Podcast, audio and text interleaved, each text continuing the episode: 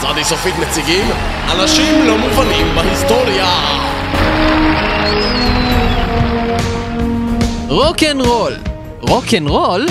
רוקנרול! כן! כולם אוהבים לנענע את הישבן מדי פעם לצלילי אותה מוזיקה פרועה וחסרת מעצורים. היי, שמישהו יעצור את הרוקנרול הזה! או לא, הוא מתקדם ישר אלינו! מילון עברית צרפתית מגדיר רוקנרול כ"לה ז'פוי דה זקווה". אבל נשאלת השאלה, מאיפה הוא הגיע? מי ברא את הרוקנרול? בכל חיפושינו אחר תשובה עלה פעם אחר פעם רק שם אחד לא ידוע עד עתה. רולי רולינגסטון. החלטנו לחקור. אנחנו כאן בהריסות של מה שפעם היה מוזיאון הרוקנרול של חולון. כנראה שהרוקנרול היא מוזיקה פרועה וחתרנית מדי כדי לכלוא אותה במוזיאון. וגם שבוע שעבר העירייה הורתה לפוצץ את המקום. כך או כך, אנחנו כאן כדי לנסות לגלות משהו על אותו רוקנרולר אלמוני, הידוע רק בשם רולי רולינגסטון. סליחה, אדוני, אתה עובד פה? אני, כן, אני הבוס פה. השם הוא רוקי. רוקי רוקנרולינגשטיין. אה, האם אתה מזהה את השם רולי רולינגסטון? רולי רולינגסטון, או, הוא בהחלט היה הגדול מכולם. האב הרוחני של כולנו, והאב הפיזי של חלקנו, ובן דודו של אחי. מה אתה יכול לספר לנו עליו? רולי נולד בשנת 1923 בעיירה קטנה בארצות הברית. בגיל שלוש הוא בנה את הגיטרה הראשונה שלו מכמה חתיכות קש וחמור. זו הייתה גיטרה מחורבנת, אך הוא ניגן עליה, או, הוא ידע לנגן עליה כמו שד. כמו שד, אני לא אוהב את הכיוון שזה הולך אליו. אה, לא, לא, אל דאגה, זה רק דימוי. הכוונה היא שהוא ניגן ממש ממש טוב, אבל אנשים לא העריכו את המוזיקה שלו. הם חשבו שהיא רועשת מדי, חמורית מדי. בוא, בוא נתקדם ברשותך קצת הלאה. ובכן, בשנת 1935, כשרולי רולינגסטון היה בן 12, הוא הבין שהעיירה הזאת הייתה קטנה מדי בשבילו, והוא החליט לצאת אל העיר הגדולה. מה, הוא היה ממש שמן?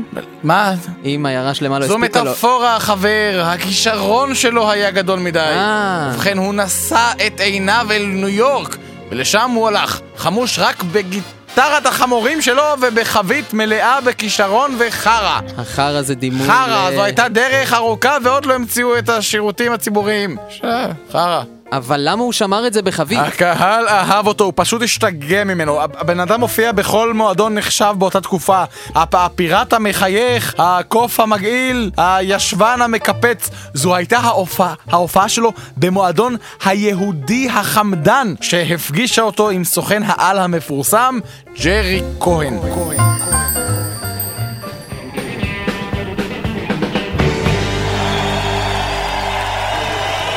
היית גדול שם, רולי? היי, תודה. כן, אתה חתיכת חרא! אורלי, חמודי, כמה טוב לפגוש אותך סוף סוף, שמעתי לך המון הרבה. ג'רי כהן, המרגן, נעים מאוד. היי, תגיד, פרצוף יפה, אני לא רואה את המרגן שלך בשום מקום.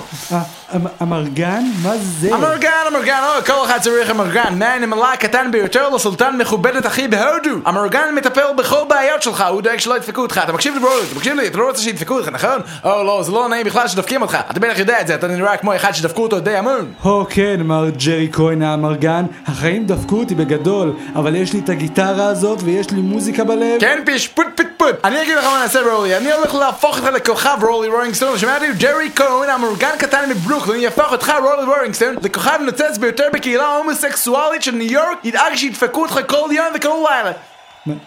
מה? כן, כמובן, כן, כוכב גדול, מה אתה אומר? אה, אה, רולי רולינגסטון? והפגישה הגורלית הזו שינתה את חייו של רולי רולינגסטון הצעיר. נו, ומה קרה אז? או, ג'רי, ג'רי מילא את הבטחתו. רולי רולינגסטון נהיה הכוכב הנוצץ ביותר מאז ביבי ליבופ. הבנות רצו אותו והבנים רצו את הבנות שרצו אותו. המוזיקה שלו שיגעה את הנוער, אך אז הכל השתנה לרעה. אנחנו מדברים כמובן על ההתמכרות של רולי. כן, ההתמכרות של רולי לגזוז. הוא לא היה מוכן להקשיב להיגיון. אמרו לו, רולי רולינגסטון, חתיכת משוגע, המשקה הזה תוסס מדי. משקאות לא אמורים לבלבל כזה. כן. אני מבין, אני מבין. כן. ואז כמובן גם קרתה התאונה. טרגדיה, טרגדיה נוראית. רולי רולינגסטון היה על המטוס בדרך להופעה ביפן, שלפתע המנועים השתתקו והמטוס צנח ארצה הישר לתוך הר ענקי של קוקאין! עד היום הרופאים מתווכחים מה הגיע אליו קודם, ההתרסקות או הקוקאין. ותגיד לי, מר רוקי, איך אתה יודע כל כך הרבה על רולי רולינגסטון בדיוק? אני יודע עליו כל כך הרבה, כי אני הוא רולי רולינגסטון! מה? אבל לפני רגע אמרת שהוא מת. אולי מת! אני אישית מאמין שחטפו אותו חייזרים. חטפו אותך, אתה מתכוון. חטפו אותך! חצוף. טוב, עד כאן להפעם. אפשר רק מילה לסיום? כן. ארגז! שמע, אתם אנשים לא מובנים בהיסטוריה!